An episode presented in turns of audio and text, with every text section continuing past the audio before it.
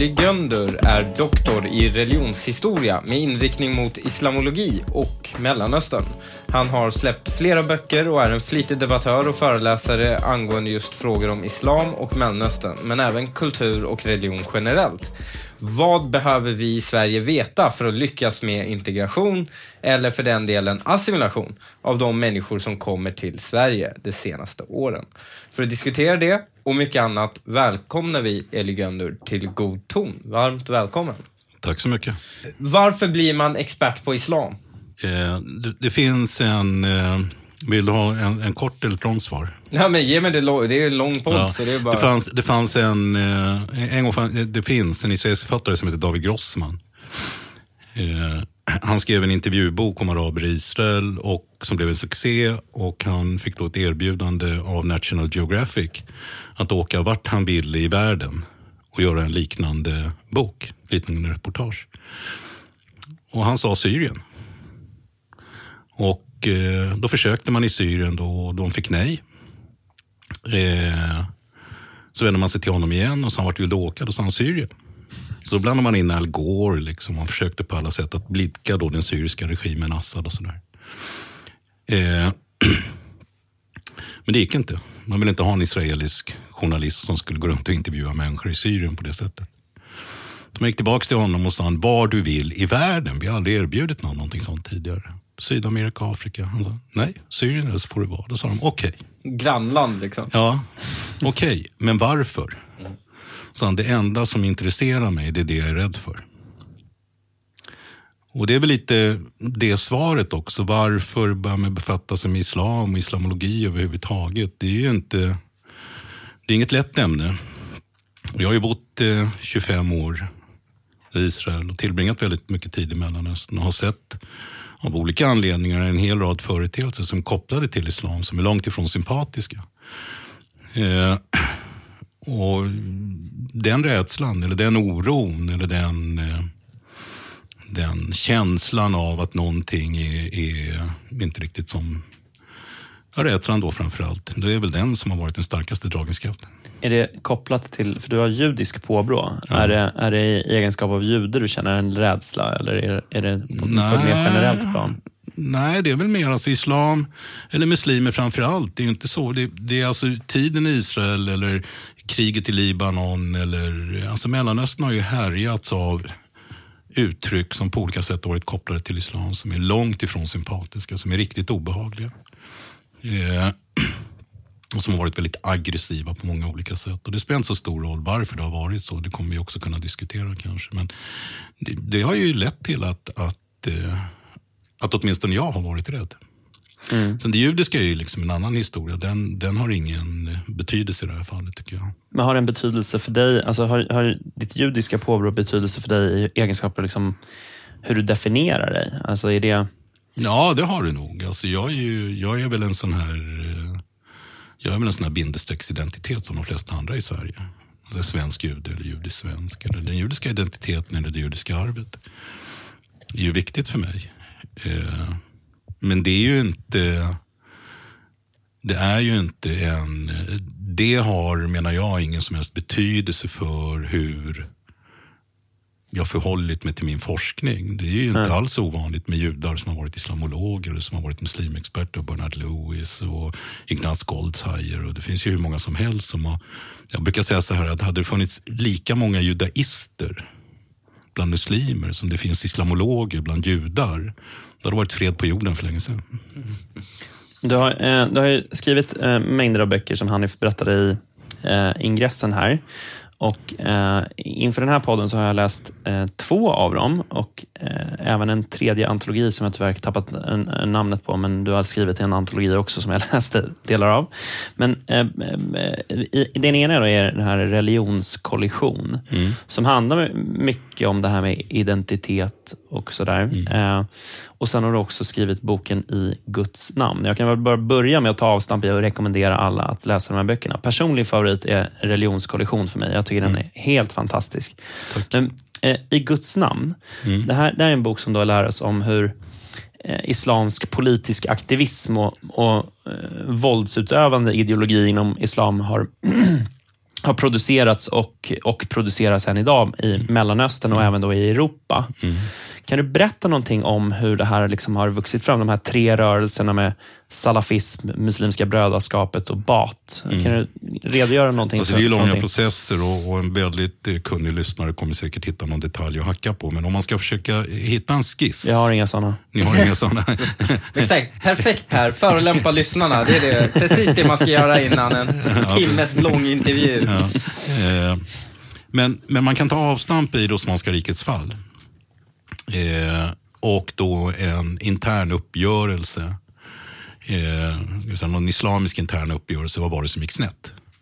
Eh, vad var det som gjorde att det här imperiet föll? Vad var det som gjorde att, att man inte kunde leva enligt de här sharia-lagarna? Vad var det som gjorde att Europa fick ett så stort inflytande? Europa med Napoleon och slaget vid pyramiderna gjorde ett enormt intryck.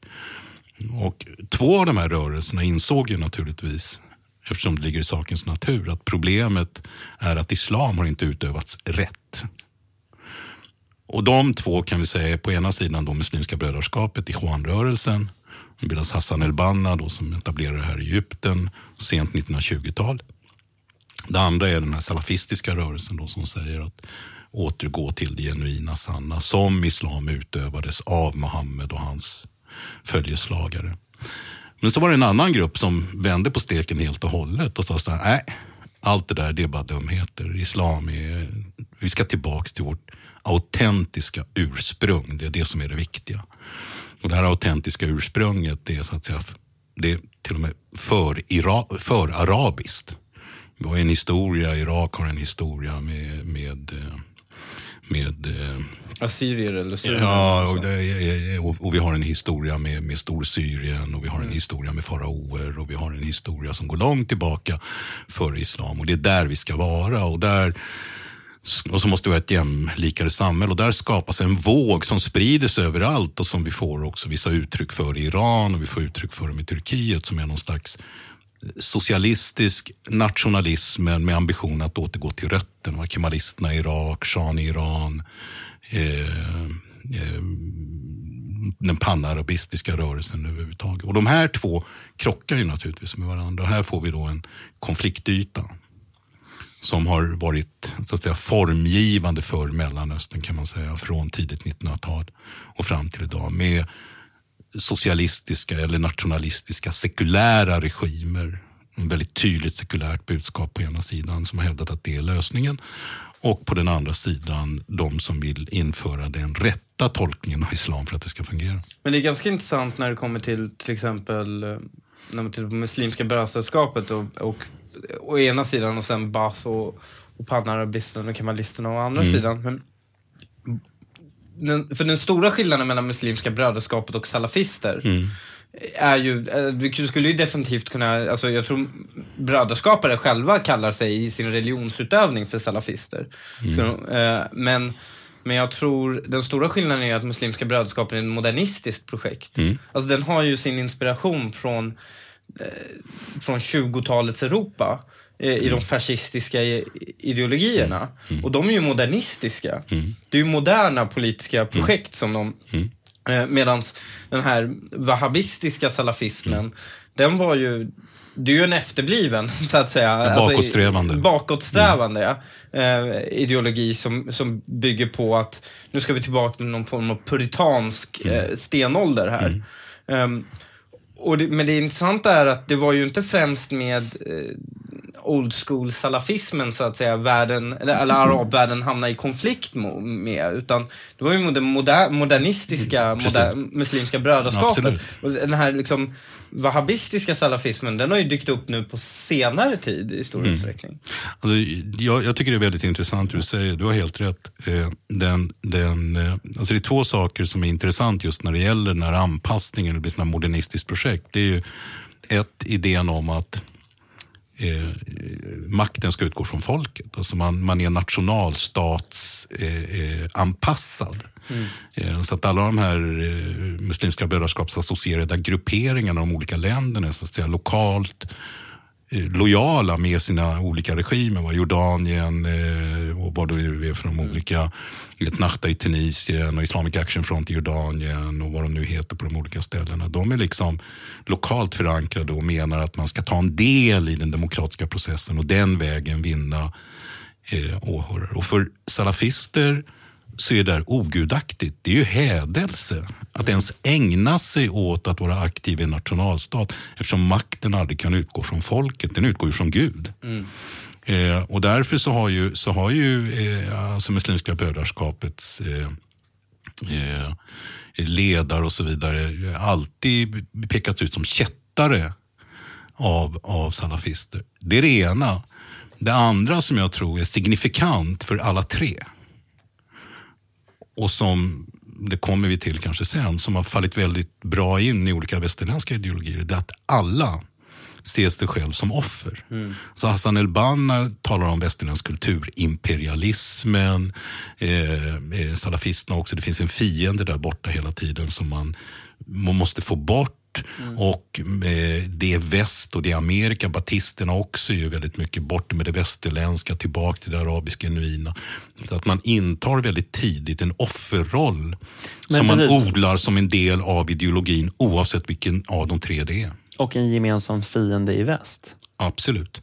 Både islamisterna, det Muslimska brödraskapet och salafister eller salafitjihadister och Baath har alla väst som en fiende. Eh, Hassan el-Banna uttrycker det till och med som så att det finns två fiender. Det ena är de som vill så att säga, araber eller muslimer som anammar den västerländska kulturen. De demoraliserar samhället inifrån. Och sen finns det en kulturimperialism som försvagar samhället. Och det är ju då också väst och Amerika och framförallt kristna missionärer. Och judar och så massa konspirationsteorier. Det är de också bra på alla tre. Du har skrivit om eh, betydelsen av eh, läskunnigheten i Mellanöstern för Mm. hur man utövar sin religion idag och, Mm. och sen, sen fler blivit läskunniga. Vad, vad är det som har hänt? Alltså jag tittar ju då på, på den forskning som, som har bedrivits genom olika studier, opinionsundersökningar och så vidare som har gjorts. Det finns en bok som, heter, eh, som jag refererar till som heter The World Through Arab Eyes, Shibli Telhami som tar upp väldigt mycket statistik. Det finns en hel del statistik som tittar på hur fort det har gått för människor att bli läskunniga. Och där kan man bland annat se att förankringen i religiositeten, netto, alltså den här religiösa eh, eh, konservativa uppfattningen. Den har försvagats i de yngre generationerna. Yngre generationen är liksom mindre religiösa. De är inte nödvändigtvis mindre förankrade i familj och tradition och såna där grejer. Men det finns ju till och med nu en våg i Egypten av, som kallas för ateister som har fått den egyptiska regimen att börja skaka ordentligt och förbjuda ateismen och kalla det för kätteri och såna där saker. Och det finns, den nya generationen är, är, skulle man kunna säga enkelt uttryckt, mindre religiös än den äldre. Och den vågen är ganska stark. Sen vad de blir istället, det är uppenbarligen långt ifrån självklart. Men, men, eh, men den vågen finns överallt. Men kan det inte vara en, så att säga, en... Jag, jag, jag tenderar att se det i alla fall så att det, det är å ena sidan en våg att man är mindre religiös kanske. Men å andra sidan en våg att man är mer muslimsk i identiteten. Alltså att man, det, det kan ju gå åt båda hållen, nämligen att du kan bli mer så att säga, identitetsmässigt radikaliserad då du kommer i kontakt med det okända. Eh, men samtidigt kanske inte vara stenhård med de religiösa påbuden. Eh, det har väl liksom det märker man ju, en sån, en sån utveckling ser man ju väl eh, väldigt mycket i ta USA exempelvis, vet jag ju, där, där eh, liksom imamer klagar om att alla vill kalla sig för muslimer i den, i, i liksom, men ingen vill komma till och utöva islam egentligen. Ja, men, det- det, men identiteten muslimer är starkare än någonsin. Precis, jag tror det ligger på två olika... Alltså jag tror ju att, att det som avgör hur vi tänker är och hur vi beter oss i väldigt stor utsträckning, det är möten mellan människor, möten mellan kulturer. Jag har skrivit om det i religionskollision också. Jag tror de här idéerna om Alltså I Sverige har vi diskuterat integrationsfrågan. Den ena säger att om de bara kommer hit så blir de liksom miljöaktivistiska feminister och så finns det en annan gren som har sagt att de är helt omöjliga. Alla som kommer hit kan inte bli annat för de är dumma i huvudet och det sitter i deras gener. Men varken det ena eller det andra stämmer ju, utan det som är intressant och det man har tittat väldigt lite på, det är vad händer i själva mötet? Vad är det som kickar igång? Och då tror jag att du har rätt Hanif.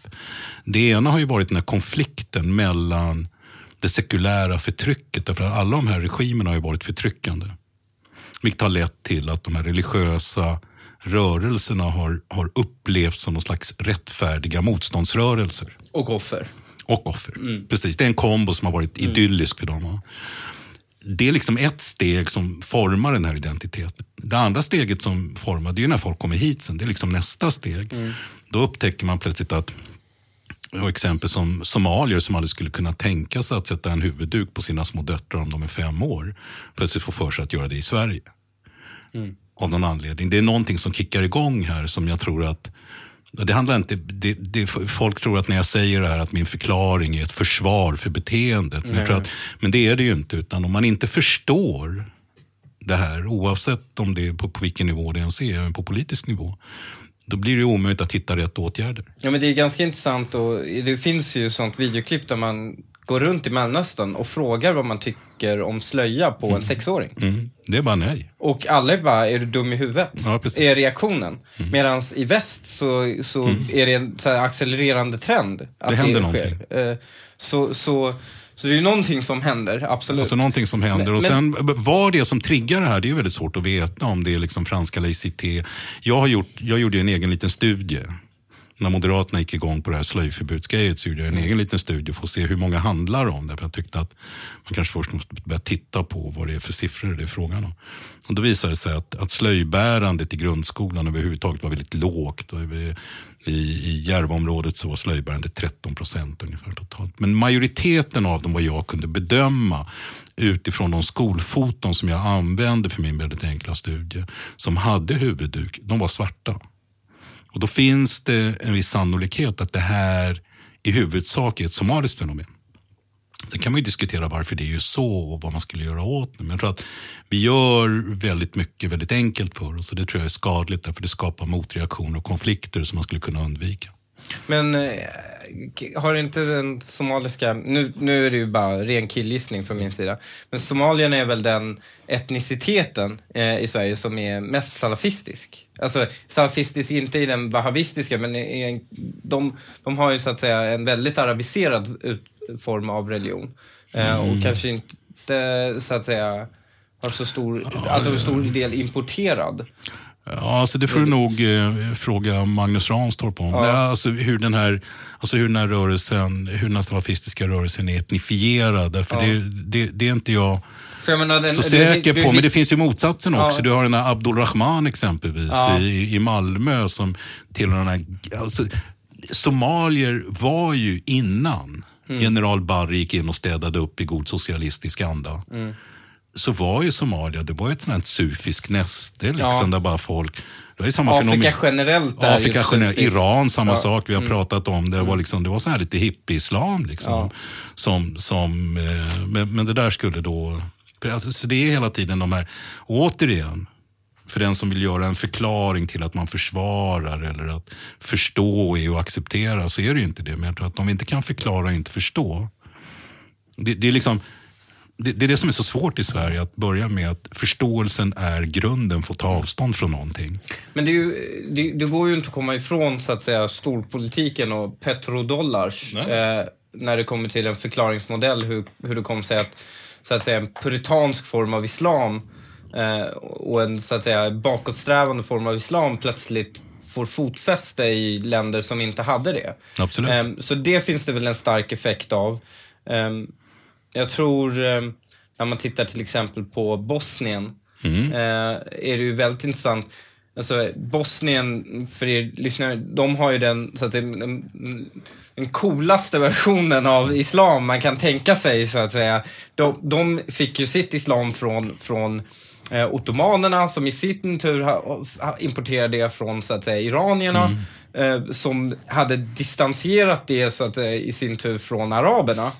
Eh, så det var ju en ganska så att säga liberal tolkning av, av islam. Och det var ju, du, du, du, du hittar ju fler slöjor i, i Malmö än vad du gör i Bosnien. Alltså, det, det, men här, här är det intressanta nämligen att även i, i Albanien exempelvis, uh, där är ju ett väldigt bra exempel. Mm. Så Albanien kommer ut ur kommunismen där det var, det var ju statsateism, förbjudet med islam, mm. förbjudet med religion. Och de kommer ut ur det och sen, alla är ju muslimer där. Mm. Uh, och det var ingenting man lyckades utrota. Mm. Alla har en, fortfarande den här balkaniserade islam som är mm. väldigt liberal. Mm. Och sen så berättar, när folk berättar i efterhand, är ju att här, alla hade en salafistisk period.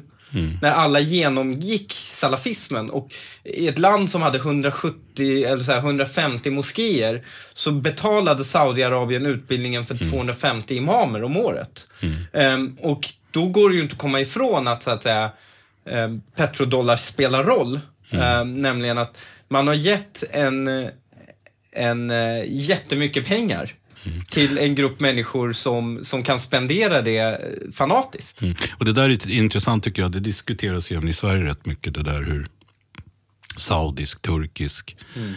eh, eh, informationspåverkan sker mm. där man försöker finansiera moskéer och så vidare. Men, och, och jag tror att det är också viktigt att förstå att de försöker hindra läckaget. Alltså det är inte så att, att, att det är en våg av europeer som flyr till Saudiarabien, en mm. våg av europeer som liksom söker sig i stora lämmeltåg till Turkiet eller Qatar. kan man åka dit på semester eventuellt någon gång. så. Men den idémässiga flykten, det idémässiga läckaget, det är ju därifrån och hit. Och det går ju med en mobiltelefon. Man kan ju liksom göra vad man vill. Det är bara att slå upp den och så ser man hur väst ser ut och så kan man ta del av en massa text. Och så. Deras ambition är att förhindra det här, stoppa det här och bevara sina anhängare. Därför att om de inte har några anhängare, då är de körda. Och vad som skulle kunna hända om Saudiarabien imploderade, det vågar inte jag ens tänka på. Mm. Men om, för det kan inte vara någon slags missionsgärning. Du skriver att eh, islam har givit tron, gärningen och missionen lika stor betydelse, vilket mm. skiljer då mot kristendomen och judendomen. Mm. Är det inte en missionsgärning att liksom... Ja, det är det ju också, att man ska missionera. Det, det där är ju Alltså de missionerande religionernas raison d'être, alltså, huvuduppgift är ju att missionera därför att missionen gör världen bättre. Om alla tror på samma sak så blir vi alla lyckliga. Det gäller ju kristendomen. Det finns bara en väg till Herren genom mig, säger Jesus. Och sen så är det klart. Då liksom. så att missionen är, är, är, är, har, har en väldigt stark effekt. Men jag tror att man ger de religiösa motiven när det gäller storpolitik för stor betydelse.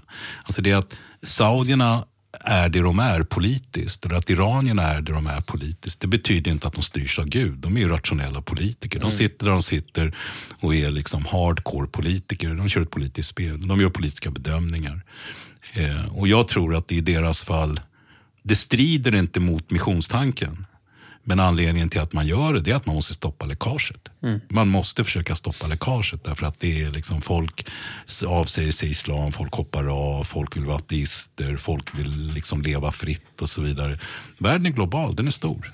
Men här, det, det, är ett bra sätt att titta på det här. För det första, ta, ta Turkiets sponsring av, eh, av moskéer i Sverige. Det handlar absolut inte om missionsverksamhet. Ju. Mm. Det, det handlar om att ha en utpost i diasporan.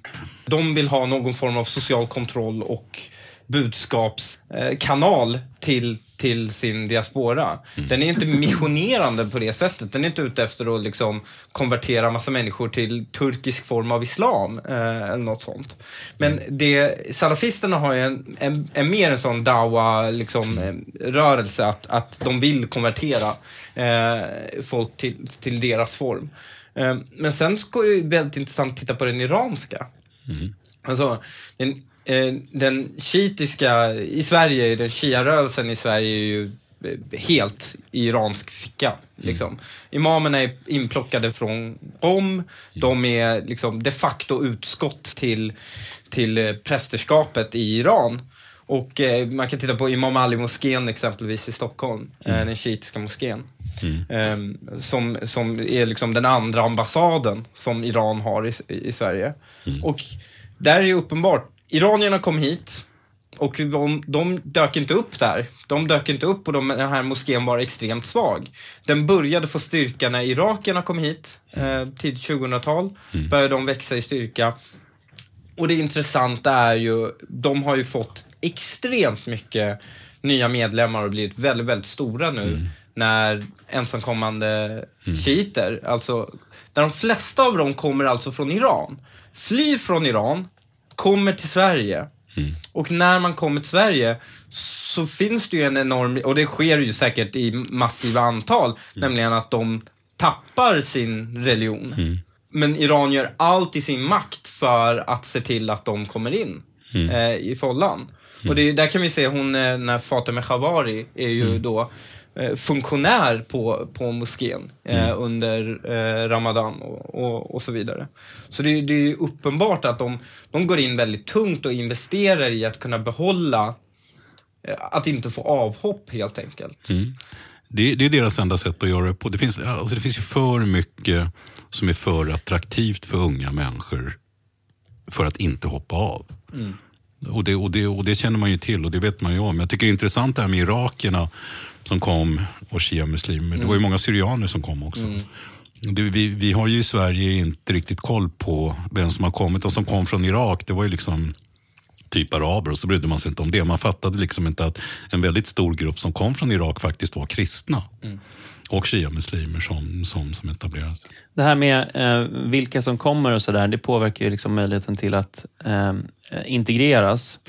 Och, eh, tesen för boken Religionskollision är att små minoriteter anpassar sig lättare till eh, gemensamma normer i ett kulturellt och etniskt relativt homogent samhälle. Och att det här då genererar färre konflikter än i ett samhälle där större grupper med olika kulturer och varierande bakgrund samlas. Och då blir frågan, vad är det då som definierar en majoritetskultur och en minoritetskultur? Och liksom, hur, hur blir de här begreppen viktiga i fråga om när man pratar om integration och assimilation? Alltså det, är ju, det är ju en, eh, det, det är ingen hemlighet längre att, att samhällen som är väldigt kulturellt variationsrika och sådär, säm- sämre tillit, det, det är fler konflikter och problem och sådär. Så det är i och för sig inget nytt. Men det jag menar i boken, det är att minoritet inte bara är en nominell fråga. Alltså om du kommer från ett land och det är en liten grupp, så räcker inte det. Utan att vara minoritet eller majoritet är också ett arv. Någonting man förhåller sig till, någonting man har levt med. Minoriteter vet att om man inte sköter sig får man pisk och det har man levt med väldigt länge. Så man har utvecklat en färdighet i att avläsa samhällskoden och slinka in i den. Eh, och då menar jag exempelvis att sunnimuslimer från Mellanöstern, de har ingen aning om hur man är minoritet. De har aldrig varit det. De har varit majoritetsstatus och dominansposition i alla tider. Eh, och att då plötsligt behöva anpassa sig. Och det är ännu värre då om man är man också. Därför då är det de patriarkala normerna. Kvinnor från de länderna har ju lättare att anpassa sig. Eh, eh, därför att de har som underordnade då tvingats vara anpassliga. Så de har ju liksom fostrats in i det här att läsa av sin omgivning och slinka in och hitta en plats och så.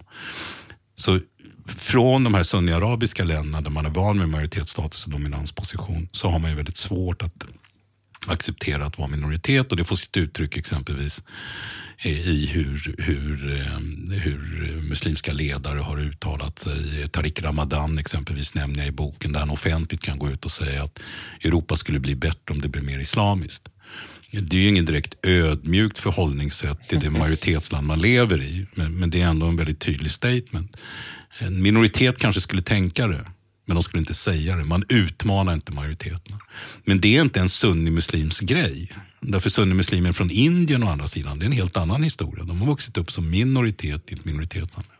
Jag tar ju några exempel på minoriteter i boken. Men att kurder är en minoritet. En naturlig minoritet därför att man har varit statslös, man har varit minoritet, man har varit förföljd.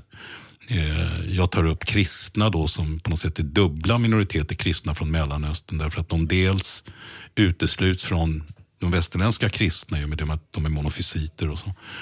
Och sen så blir de minoriteter också när islam blir majoritet i de här länderna. Och sen tar jag faktiskt upp shia-islam därför att jag menar att den shiitiska berättelsen är en berättelse om att vara offer, utsatt och minoritet. Det, det är liksom hela ashura-grejen. Allting handlar om att man är utsatt, man är minoritet, man har blivit lurad på konfekten. Liksom. Man har blivit lurad på ledarskapet. Sen har ju naturligtvis volymer spelar roll. Alltså man placerar, kineser har ju ingen, eh, om man placerar en kines i Umeå och en i Skåne och det inte finns några andra, då kommer ju de vara jätteintegrerade om ett halvår för de har inget alternativ. Kommer det hit fem miljoner kineser på en gång så kommer Sverige att förändras vare sig vi vill eller ej. Men, men eh, anpassningspotentialen menar jag har med ett kulturellt arv att göra. Du ställer upp ett motsatsförhållande. Så att, alltså att antingen då så måste majoritetssamhället göra eftergifter som gör det enklare för minoriteter att känna igen sig utan att anpassa sig. Eller så liksom avkrävs de nyanlända grupperna anpassning till majoritetens vanor och normer och, eh, och moraliska berättelse.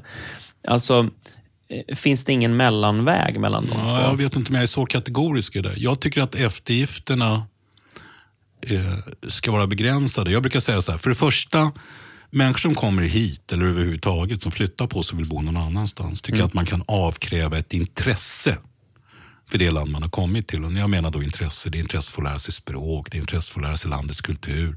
Nyfikenhet, det behöver inte liksom vara att gå till kyrkan på julafton om man tycker att just kyrka och jul och Jesus är ett problem. Men det finns ju massa andra. Det finns nationaldagen och det finns midsommarafton. Nu visar ju i och för sig forskningen att invandrare är bättre på nationaldagen än vad svenskar är, så att säga, svensvenskar. Men, Fast ja, den, de gör ju också lite, det är lite dåligt, de grupperar ju ihop invandrare eh, väldigt ja, så att jo, säga, jo, det stämmer, men, där också. Men, jag tror man skulle men, vi är dåliga det. på det där. Alltså, ja. jag, jag var i Skövde och pratade med en somalisk kille som reser sig upp och så säger han så här du säger, jag håller med om allt det du säger. Jag kommer från Somalia. Jag har ju liksom släkt och klan och vänner. Och så. Mm. Hela, hela det paketet stämmer. Men när jag umgås med svenska vänner, då säger de, berätta gärna om Somalia. Liksom, vad gör du, vad gör du inte? Och så. Och så berättar jag lite grann om vår kultur och tradition. Och så säger jag det till dem, då, kan du inte berätta för mig något om Sverige? Och då säger de, då är deras svar, det är inte så viktigt. Och det är där jag tror då att, för det första intresset. För det andra eh, så måste vi i Sverige samtidigt acceptera att människor har bindestrecksidentiteter. Vi måste på något sätt, alltså man, man kan ju inte förändra nu och alla de här människorna som är men kanske inte deklarerar det, men ändå är det. Därför så är alla. Alla har bindestrecksidentiteter. Man är svensk-iranier, man är svensk-kurd, man är svensk-somalier. De här bindestrecksidentiteterna kommer bli allt vanligare och vi måste på något sätt lära oss leva med att det faktiskt är så. Eh, och, men, och i det bär ju ordet svensk en innebörd. Alltså, ja. det finns ju de som liksom inte vill erkänna att svensk kultur på något sätt är särpräglande. Alltså man säger, mm. När man säger ordet svenskt så, mm. så blir det liksom eh, gärna med tillägget vad nu det betyder. Mm. Alltså för att det är någon slags mm. självförintande förhållningssätt. Liksom. Mm. Och, det, och det där är väldigt tråkigt, men jag beskriver det i boken. Jag tror att en av anledningarna till det är att Sverige har inte utsatts om vi tittar ut i världen, ut i Europa, ut i Mellanöstern så har ständiga konflikter gjort att olika kulturer, gemenskaper, grupperingar har tvingats nöta mot varandra och den vägen stärkt sin kulturella identitet eller profil. Eller vad det kan vara. Liksom Shia, Sunni, Väst, Östeuropa, England, Frankrike, nationella identiteter och sådär. Danmark slipade på sin under andra världskriget, Norge också. Sverige var borta från allt det här. Sverige behövde man aldrig tänka på det. Alla visste att man fikade klockan tio, men inte varför. Det fanns liksom ingen anledning att överhuvudtaget bry sig, därför att det var intuitivt. Men det var aldrig, och samtidigt då en politik som sakta men säkert reducerade betydelsen av den svenska kulturen. Man istället skulle gå in i någon slags multikulturellt projekt som alla skulle anpassa sig till. Även Kalle Pettersson som har bott där i generationer utan att man egentligen visste vad det skulle innebära. Och Det har i sin tur lett till att vi har inte liksom en naturlig eller så här, vi har en naturlig svensk berättelse men den har inte kunnat växa fram för vi har inte varit i konflikter. Vi har inte haft den här nötningen mot andra som har gjort att den är självklar. Jag, det, kan, jag, kan, jag, kan, försöka svara på din fråga genom eh, hur, när de eh, liksom ger den svenska så att säga storyn, i alla fall från jag vet inte hur många som egentligen eh, skriver under på den här beskrivningen, men det är väl något representativt när Mona Sahlin fick frågan hur kan invandrare då bäst anamma den svenska kulturen? För det första, vad är svensk kultur? Mm. När hon fick den frågan svarade hon, jag har ofta fått den frågan, men jag kan inte komma på vad svensk kultur är, mm. svarar Mona Sahlin. Jag tror att det är lite det som gör många svenskar så avundsjuka på invandrargrupper. Ni har en kultur, en identitet, en historia, mm. någonting som binder ihop er. Mm. Och vad har vi? Vi har midsommarafton och sådana töntiga saker. Mm. Det jag skulle vilja lägga in i svensk kultur är mm. istället viktiga värderingarna som demokrati, tolerans och respekt för tjejers villkor och rättigheter. Jag önskar att alla som bor i Sverige kände att det är det som är allas vår kultur. Och jag tror inte att det håller. Nej, det är nog, tror jag, de flesta håller med nu. Men, jag, men det är ju inte en ovanlig uppfattning Nej, nej, jag har stött på Nej. Eh, när det kommer, i alla fall i öppna forum. Alltså, det- man, man kan ju fråga sig vad det beror på. Jag tror att, när eh, att man har sluppit konflikter tror jag är en anledning. Men jag tror också att det är jätteviktigt i Sverige att vara modern. Modern, progressiv. Och är man modern då håller man inte på med såna här trams liksom, som kultur, tradition, familj, religion, historiska arv och sådär. va. Det är liksom förlegat. Människor som är mindre vidsynta och mer primitiva, de lägger stor vikt vid det här. Vi har kommit så länge, så långt liksom i vår moderna svenskhet att vi är någon sån här, vi, vi är liksom superuniversalister. Liksom. Det, det, är- det, du har en jättestark poäng. Jag, jag märkte det, jag var på, eh, på nätet såg jag någon sån här pojkrumsliberal som, som ra, eh, Skolverket försöker ju hela tiden stryka nationalsången ur, ur, eh, eh, ur någon av sina hand, alltså, b- order till skolor, att de inte ska behöva lära ut det på musiken. Och då var det någon som skrev så här, men varför ska man behöva läsa det på musiken liksom? Och, eh, och då jag bara, ja, men tänk, varför ska en trött liksom, musiklärare i sexan lära dig nationalsången? Det finns väl andra ställen man kan lära sig det? Eh, och jag tyckte den åsikten var ganska spännande. Delvis så är den ju väldigt eh, privilegierad för att det är ju någon som har absolut närhet och tillgång till, en svensk, till, till den svenska kulturen eh, och den, svenska så att säga, nationella identiteten. Ja. Och symbolerna som kan säga, men fan, jag kan ju lära mig nationalsången hur lätt som helst ju. Ja, men precis. Var är den andra platsen Ja, för de som inte är uppväxta i den miljön? Exakt. Liksom? Jag, har, jag kan inte komma på någon gång i min uppväxt där jag skulle lära, vem skulle lära mig det? Förutom i skolan. Det är den ena sidan. Den andra sidan är, den här personen då som lite lätt bara slänger ut sig, varför ska man lära sig den här töntiga symbolen? Om du skulle säga till, om du skulle till samma person säga, nej men kommunen tänker inte hissa prideflaggan i år så skulle ju den börja gråta blod över hur, hur kan inte det vi, det offentliga, liksom signalera det här gemensamma värdet och symbolen. Vilket är bara, man, man bara byter ut helt enkelt. Man byter, det, det är bara ett sätt att bara signalera progressivitet genom att ta avstånd från den nationella identiteten. Alltså jag var precis i USA. Jag var i USA. Eh, två såna här små eh, observationer som jag gjorde som handlar just om det här. Det är att när man går in i det här museet som handlar om Amerikas historia så har man en, en väldigt stark berättelse, man kämpar för något, demokratin och sådär. Men allting är öppna frågor. Massor av öppna frågor. Vad är representativitet? Vad är, vad är rasismen? Vad är demokrati? Vad är det? Som om hela det här projektet USA fortfarande är under görning på något sätt. Liksom. Det är inte färdigt, man håller på att producera det. Massa öppna frågor hela tiden. Vad, vad, vad innebär liksom minoriteters rättigheter och så. Så stod jag där och tittade på de här öppna frågorna och så tänkte jag, i Sverige är det precis tvärtom. I Sverige har vi redan alla svaren. Vi vet att om vi, att om vi smackar in lite maktanalys, intersektionalitet, genesteori och lite postkolonial eh, sån teori över det hela, då har vi löst problemet. Vi har inga frågor längre. Vi är redan färdiga på något sätt. Det är det ena. Det andra är att efter en av föreläsningarna som vi höll då på George Washington University så kom det fram en kvinna till mig som hade lyssnat på den här föreläsningen och hade huvudduk. Eh, Och så har hon då hört föreläsningen. Då säger hon till mig. Det verkar, säger hon, som att ni inte lyckas i Sverige med att assimilera in människor i ert system. Säger hon med huvudduk. Och snacka hon om. Vi assimilerar skitbra i våra socialförsäkringssystem. Ja, Till och med den irakiska försvarsministern har... Precis, men det intressanta med henne då det är att när hon ger mig sitt kort så visar det sig att hon jobbar då eh, för en myndighet, State Department, och utreder, Eh, bland annat som utredare när det gäller extremism. Så hon har anammat, hon ser sig själv som en del av den amerikanska berättelsen, assimilerad in i den här amerikanska kulturen och identiteten och som en del av den, oavsett oberoende av vad hon har på huvudet. Och i Sverige är det lite tvärtom. I Sverige kan vi älta den här huvudbonaden till leda. Vi kan hålla på med den och utreda och tjafsa fram och tillbaka hit och dit. Men någon berättelse eller någon sån här nationell gemenskap att liksom assimilera in människor i. Den har vi inte hittat. Den, den, den finns inte riktigt där.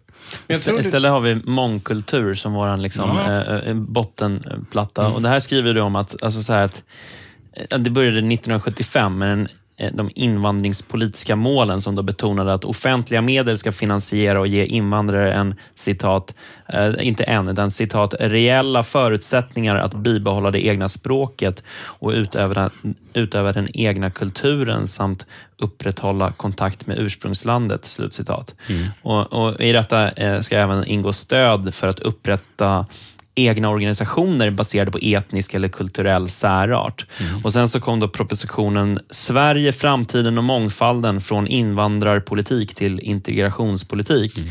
från 98 tror jag det var. Och, eh, den gick i samma riktning där det var liksom Tanken var att samhället ska underlätta för individen att citat integrera gamla och nya livsmönster och livsstilar på det sätt hon själv önskar. Mm. Och för att säkerställa eh, att mångfalden då syns i hela samhällets alla delar så föreslogs en årlig uppföljning om utveckling om hur befolkningens sammansättning kommer till uttryck i olika delar av samhället, mm. i föreningar, i fackliga sammanhang, i de politiska mm. partierna och i olika yrkesgrupper och sådär.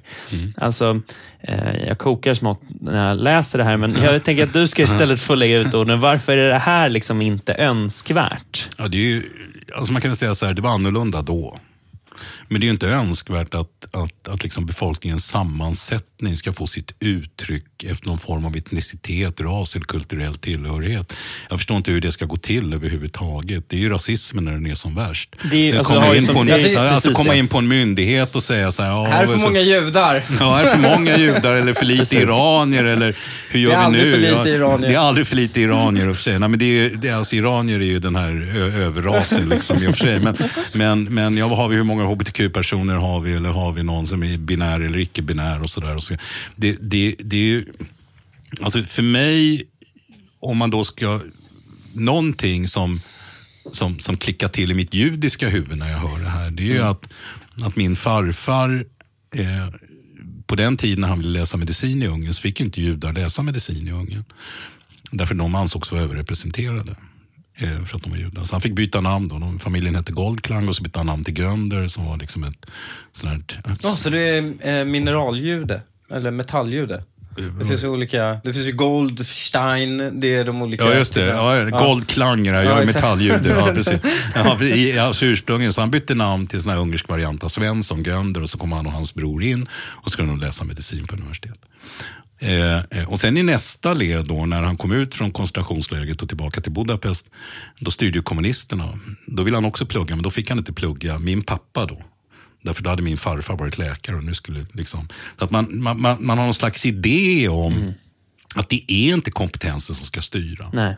Det är inte, och, då, och då lever vi ändå i ett land, och det, och det tycker jag man ska säga. Alltså vi lever i ett av världens absolut bästa länder. Min pappa sa alltid att i Sverige kan man bli precis vad man vill, bara man vill. Alltså, utbildningen är gratis, biblioteken står öppna på lördagar och söndagar. Det är bara att sladda in på universitetet. Hela världens kunskap är samlad och väntar på att levereras till människor. Man har speciella allergirum. Alla trösklar har slipats ner maximalt. Det är bara en fråga om att ta till sig det här. Men det stämmer ju. Alltså, man kan bli precis vad man vill så länge man är svart, kvinna och rullstolsbunden. ja, alltså då då, då, är det ju, det, det, är ju, det är ju fördelar. Eh, kanske. Men, men, men, men det är det som har gått snett. Va? Att, att det prövas ju då, alltså det ska, judar är ju inte, eller, eller asiater, japaner eller iranier för den delen. Så oavsett de som är, som anses vara framgångsrika av olika anledningar. Vilket också är liksom lite mytbildningar kring det där. De är ju inte det för att de har det i sin etnicitet. De är ju det för att man har en erfarenhet, man har vuxit upp med ett bildningsideal, man har, man har prioriterat de här frågorna. Eh, eh, det är ju inte... Det, det, det är liksom jag håller ett, inte med där. Nej, det är för att du är iranier. det, det, det, det är ju inte en rasbiologisk fråga att man kan bli duktig på ett universitet, liksom, eller att man kan utbilda sig. Eh, Ja, men, men så här, kanske inte en rasbiologisk fråga, men det är definitivt, du kommer ju definitivt hitta skillnader mellan populationsgrupper. Nämligen hur stor andel, och det här kan vi ju ta kan ju ta europeiska judar och jämföra dem med vilken grupp som helst, nämligen du kommer ju se en grav överrepresentation av genier. Jo, men det är ju eh, inte... Men det, men det, judar. jo, men det där säger ju Thomas Sowell också. Han, han, han, han diskuterar de här frågorna väldigt mycket. Men jag menar att det är inte någonting i den genetiska uppsättningen, utan det är ett kulturellt arv. Man har burit när med sig började generation... kulturella, när Ja, började det- kulturella det- ja, arvet det- påverka den genetiska uppsättningen? Nämligen om, precis. du får, Ja, ja, om du ja. har en samhälls, samhälle som bara gynnar människor med högt IQ Ja. och, och alla de som får få barn och, och dör barnlösa har lågt IQ, ja då kommer du få en selektion för Ja, IQ. ja, ja, du får en evolution. Liksom. Där har du ju i asiatiska länder, Sydkorea och sådär, där är det ju det är stenhårt. Det är ingen lekstuga. Liksom. Och det, jag, jag Mm. Och jag ju- menar, för iranierna är det ju inte så. Iranier är i snitt dumma i huvudet. Eh, Det är bara att vi råkar få en selektion till väst av iranier med väldigt högt IQ.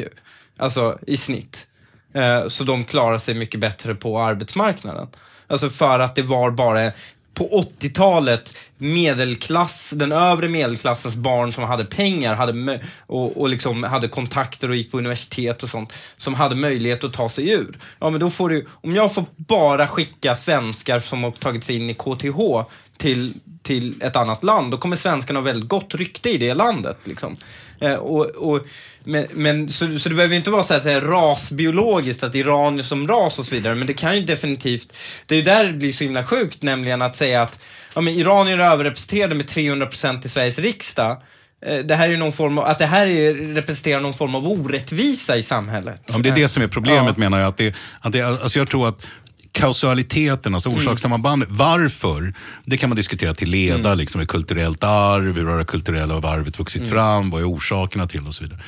Och det, och, det, och, det, och det finns det säkert olika sätt att se det på, man kan, och man kan eh, se det ur olika perspektiv och så. Men att en överrepresentation av en folkgrupp skulle vara ett problem eh, eh, kan jag inte förstå. För det så du, första. så du för går det inte andra. taket över Staffanstorps reklamfilm, att det bara är vita i Staffanstorps reklamfilm. Det är ingenting som stör dig. Nej, jag förstår inte överhuvudtaget upprördheten över den filmen. Jag blir- liksom, man upprörs hela tiden över fel saker. Du får inte sätt. säga det, det är det som är den stora grejen. börjar jag inte få säga. Alltså, i Sverige får du inte säga det alla gör. Alla flyttar ifrån gettorna och de här områdena, från mångfalden till vita enklaver. Men det är viktigt att ingen berättar att det är det man gör. Ja, Och så det- fort någon berättar det så får de panik. Ja, Det det viktiga är väl, alltså jag tror att det är väldigt mycket, alltså kampen just nu handlar väldigt mycket om hur man ska berätta det alla vet. Det är det som är det stora problemet, därför man vill då hitta en, en alltså den politiska lösningen ska ju då, ska ju då vara, eh, det, det är det som är så intressant exempelvis med, ni, ni kanske känner till eh, Peter Esaiassons senaste bok som kom ut eh, på Timbro om förorterna. Inte läst. Ja. Ja, men Ja, du, jag- jag har läst den. Ja, men du, du har läst den. Vad är, vad är det som är unikt med hans bok? Jo, jag tycker att det unika är att han gör det man inte gör längre på universiteten. Han sätter sig på en spårvagn och så åker han ut och så pratar han med två, gör han 2500 intervjuer och så kommer han fram till att människor framförallt är upprörda över det, det är sophantering och för lite polis. Liksom. Ja, okej. Ja, många blir jätteupprörda. Varför blir de upprörda? Jo, därför att han har inte kört genom samma raster av teorier. De här svaren som jag pratade om tidigare, att vi har alla svar. Maktanalys, postkolonial teori, bla bla bla, intersektionalitet, genusteorier. Därför att det leder till att svaren ser annorlunda ut. Om du kör alla problem genom, ett och samma, genom en och samma teori, då får du ju i slutändan samma svar. Och Det har vi varit jättebra på. Och om någon åker ut då liksom och bara pratar med människor i 2500 intervjuer, då får han plötsligt helt annorlunda svar. Och det, är det, det- och det, och, och det, där, det där tror jag är... Jag, jag tror att vi är på väg in i en game changer nu, därför jag tror att framförallt forskningen är, är splittad. Alltså fler och fler säger att vi måste börja ägna oss åt empiri och inte teori. Liksom. Vi måste ju se på vad som faktiskt händer. Sen kan även empirin tolkas och diskuteras på olika sätt, men vi kan inte lägga samma teoretiska raster över allting hela tiden. Och vi kan definitivt inte tvinga in människor med viss etnicitet eller kultur. Alltså, alltså så här, vad ska det leda till? Alltså, låt säga så här, okej, vi har alldeles för lite homosexuella i en styrelse. Om argumentet är att vi har för lite homosexuella i en styrelse så måste ju det basera sig på att homosexuella, för att de är homosexuella, kan tillföra något speciellt homosexuellt. De tänker liksom inte som vanliga människor i betydelsen av ekonomi, utgifter, inkomst. Utan de har en sån här homosexuell skruv på alltihopa. Var, var, varför skulle det annars vara viktigt? Eller om det är människor som har annan hudfärg eller annan religion. Det måste ju vara kompetensen som ska vara ledande och inte sexuell läggning. Men också, jag har aldrig förstått den diskussionen. Men också, det handlar ju också om, alltså, vad är det man sysslar med? Ja, precis. Det, det är ju själva, vad sysslar verks, vad, vad, vad är det verksamheten har som mål? Om verksamhetens mål är representation, ja då kan man ju fråga varför är folk underrepresenterade och vad man kan göra. Det. Men om verksamheten har som mål att forska fram liksom, ny kärnkraft, så får man ju fråga sig, vad bidrar ett gay-perspektiv på kärnkraften? Liksom? Det, det, och, inskränkt där. men men, det, det, det, det, men just det är ju så himla märkligt att i Sverige har vi ju lite dåligt språk för att kunna beskriva många av de här problemen och sen så är vi rädda för att i stor utsträckning du, Jag tänkte på det här med språk, alltså ja. nu när du säger det. Jag, jag, jag, ringde ju dig då efter, jag, jag, vi, ja. vi, vi pratar ju i telefon ibland. Mm. Du brukar börja med ett kort hej och sen är samtalet slut en och en halv timme senare. Men, men, men, det, men det här med språk, jag, jag eh, gav ju dig en komplimang för hur du hade definierat religion. Det tyckte jag var intressant. Jag tror du kallade det för åsiktsgemenskap. Eller, Nej, eller jag kallade det för idésamlingar. Idésamlingar, så var det ja. Och det var ett av de smartaste, bäst beskrivande eh, begreppen eller uttrycken för vad religion faktiskt är. Alltså att i den här stora kulturen eller civilisationen så finns det en samling olika idéer det är ju det som jag har försökt säga, att en religion är inte en ideologi, utan ur religionen växer ideologier. Mm. Och de här idésamlingarna, jag tyckte det var ett, ett, ett, ett jättebra eh, eh Men det är också, att... jag tror folk, det och, och, och, och, då finns det inget språk. Och har man inte ja. det språket, alltså om du ser religion som en idésamling, mm. då kommer hela diskussionen om religion och integration hamna på en helt annan planhalva. Än om man inte förstår att det faktiskt är en idésamling, precis som du säger. Och att den idésamlingen också får tillväxter av nya idéer beroende på sociala och politiska sammanhang och förlorar andra idéer Exakt. på vägen där, där, därför att det finns någon slags eh, eh, idémässig evolution som hela tiden bygger på. Men, men stämmer det? Alltså, du, skriver, du skriver så här, till skillnad från forskning har religion inte någon, något intresse av att söka någon annan sanning än den som redan är given. Däremot skapar religion ordning i en existerande gemenskap. Mm. Lämnar det verkligen något utrymme för, för liksom, utveckling. Förstår du vad jag menar? Ja, alltså, det är ju inte utveckling i bemärkelsen att just religiösa gemenskaper kommer kunna utveckla de e-, e-, elbilar och, och sådär. Det, det, är inte den religiösa, men man kan vara religiös som jättebra forskare. Den religiösa, alltså skilja på en religiös person och en religiös idé. Den religiösa idén ger alltid svaren. Det är det som är vitsen med en religiös idé. Forskningen har bara frågor. Du kan vara djupt religiös och en jättebra forskare och leva i båda världar. Det finns det ju massor av i Amerika, i Israel, i Frankrike, i Tyskland. Det där är inga konstigheter. Men, men religionen har ju det som jag eh, skrev i den här senaste texten i kvartal. Religionen har en fantastisk möjlighet att skapa ordning, sammanbindande effekt, gemensam berättelse, ge människor mening med tillvaron. Det är som Jonathan Haidt säger, att om man vill förstå religion Eh, han jämför det med fotboll. Och säger att om man vill förstå religion så missar man allting om man koncentrerar sig på bollens rörelse på plan. Det är mer liksom hejaklackarna, mm, det är mm. uniformerna, det är halsdukarna, det är ramserna, det är det sociala engagemanget. Mm. Eh, fäder och mödrar som springer med sina söner till korpfotbollen eller den barnfotbollen när de är små. Liksom företagens korpfotboll och så vidare. Det finns en hel verksamhet kring fotbollen som är jättestor och ur det här växer olika lag. Och man, och man kan ju mer eller mindre faktiskt slå ihjäl folk för att de har fel lag. Mm. Eh, eh, så, så religionen som, som sådan har som syfte att ge svar. Forskningen har som syfte att ställa frågor. Vi, vi har ju en, någon slags eh, syn i väst, eller ofta i alla fall i Sverige, att religion är en privatsak. Och det här menar du delvis är sprunget ur protestantismens inverkan. Vad, Mm. vad, hur hänger det ihop? Jag tror att Dan Korn, Dan Korn skriver lite om det där också i, i boken som om Gud fanns. Så här, eh, eh, alltså, det, det, här- är förenklingar återigen. Men protestantismen koncentrerar sig på tron. Du som individ ska tro rätt. Tror du rätt så är det bra. Tror du att Jesus är Guds son och frälsare, då är du på banan. Liksom. Då är du hemma. Så kan du sitta hemma och tro det här. Det är liksom ingen kollektiv eller gemensam verksamhet som är knutet till det där. I samma stund som du tar bort alla element av gemenskap och bara ser till individens tro som lösningen på den här frälsningen. Då tappar du ju väldigt mycket på vägen. Då liksom, om du tittar på judendomen, islam, ortodoxa kyrkor exempelvis. Det är en massa helger som har med barn och familj att göra och alla ska vara inblandade och det är en eid här och en eid där och det, det, det liksom samlas i moskéer och kyrkor. Det är väldigt mycket kollektiv kollektivitet där också gärningarna har stor betydelse. Jag tar upp det i, i, eh, i religionskollektionen, berättelse om en god väns dotter eh, som dör väldigt olyckligt. Jag har fått sms liksom på lördag kväll och då har den judiska djungeltrumman gått igång. Så att söndagen är alla där på begravning. En solig dag, perfekta, perfekta golfvädret. Men alla har bara släppt allting. Att man ska vara där på den här begravningen och vara tillsammans under den här tiden. Eh, och det här är ju en funktion som, som ingen stat, ingen myndighet, ingen handläggare med, med liksom måndagshumör kan ta på sig den här rollen att, att liksom hjälpa människor att sörja ett så oerhört tragiskt fall.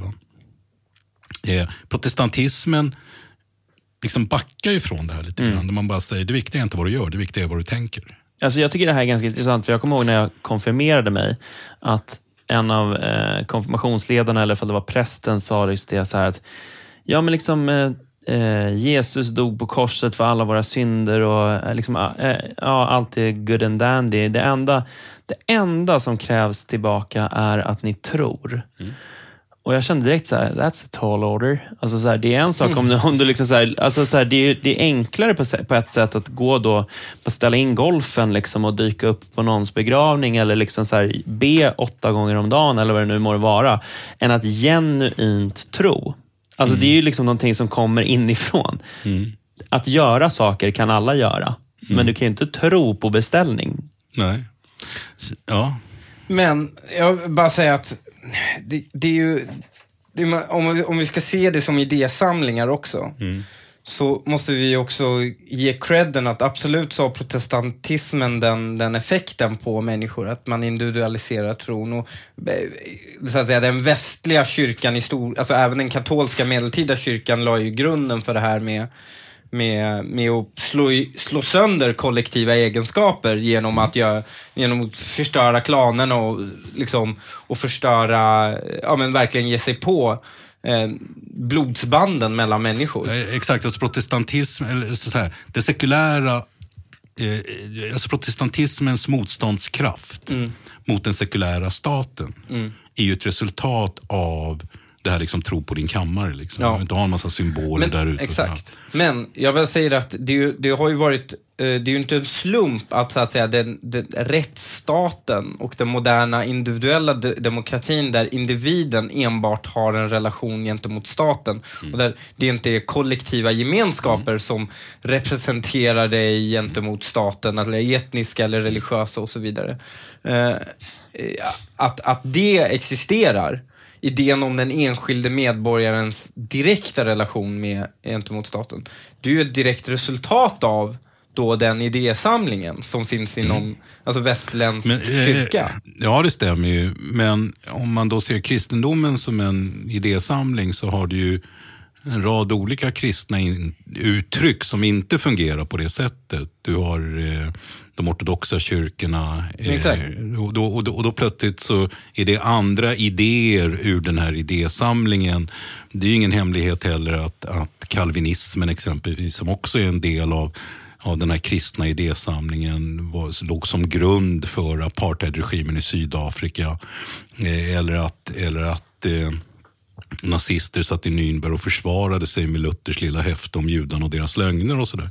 Att det finns ju hela tiden en evolution i de här idéerna som tolkas, reproduceras, återkommer på olika sätt. Och just den här västerländska protestantismen då som Mm. du pekar på.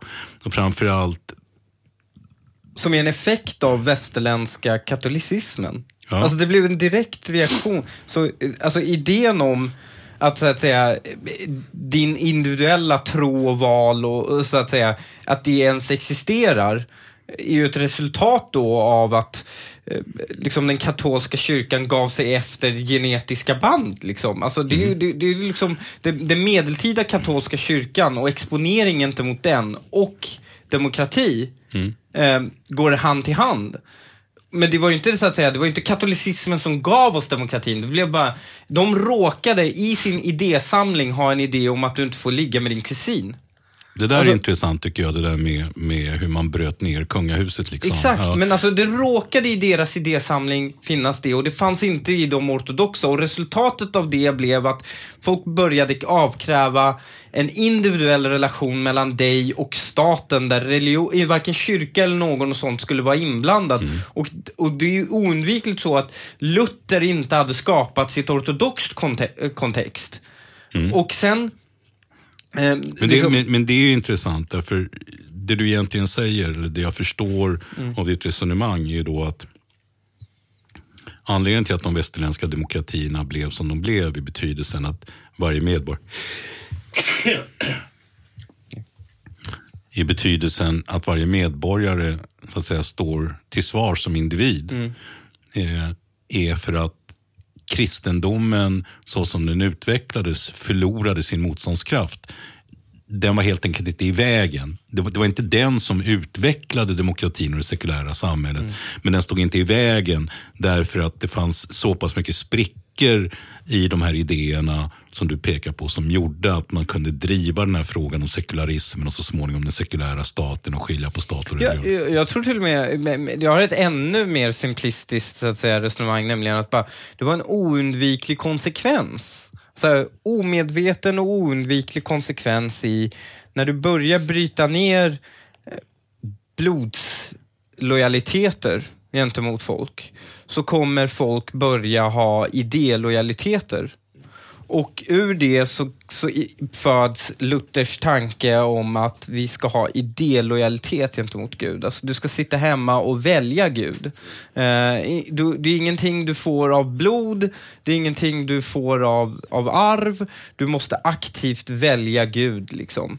Eh, och ur den tanken föds senare idén om att vi sen ska aktivt välja ideologi och aktivt välja parti eh, och den moderna demokratin. Alltså, det, var- det, var, det var inte medvetet, det var ingen som hade någon genomgående tanke, det bara blev en oundviklig konsekvens och resultat. Och det är det, det som har fått mig att börja fundera på när man tittar på till exempel slöjförbud eller inte slöjförbud, så är det ju skit faktiskt skitsamma om det är så att man har rätt i att förbjuda det eller inte. Om det är ett skitsymbol eller en god symbol. Det blir ju faktiskt skitsamma utan det avgörande resultatet är vad blir konsekvensen av ett eventuellt förbud? Precis, och det, och, det, och det är det jag tror. Jag tror att om man ska försöka koka ner till, alltså koka ner väldigt mycket det vi har pratat om.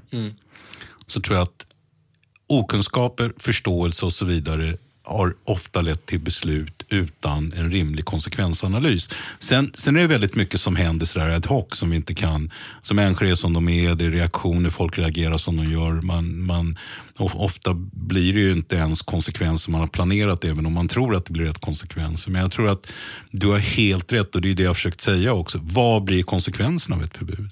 Vad skapar vi för klyftor i samhället? Vad skapar vi för skiljelinjer?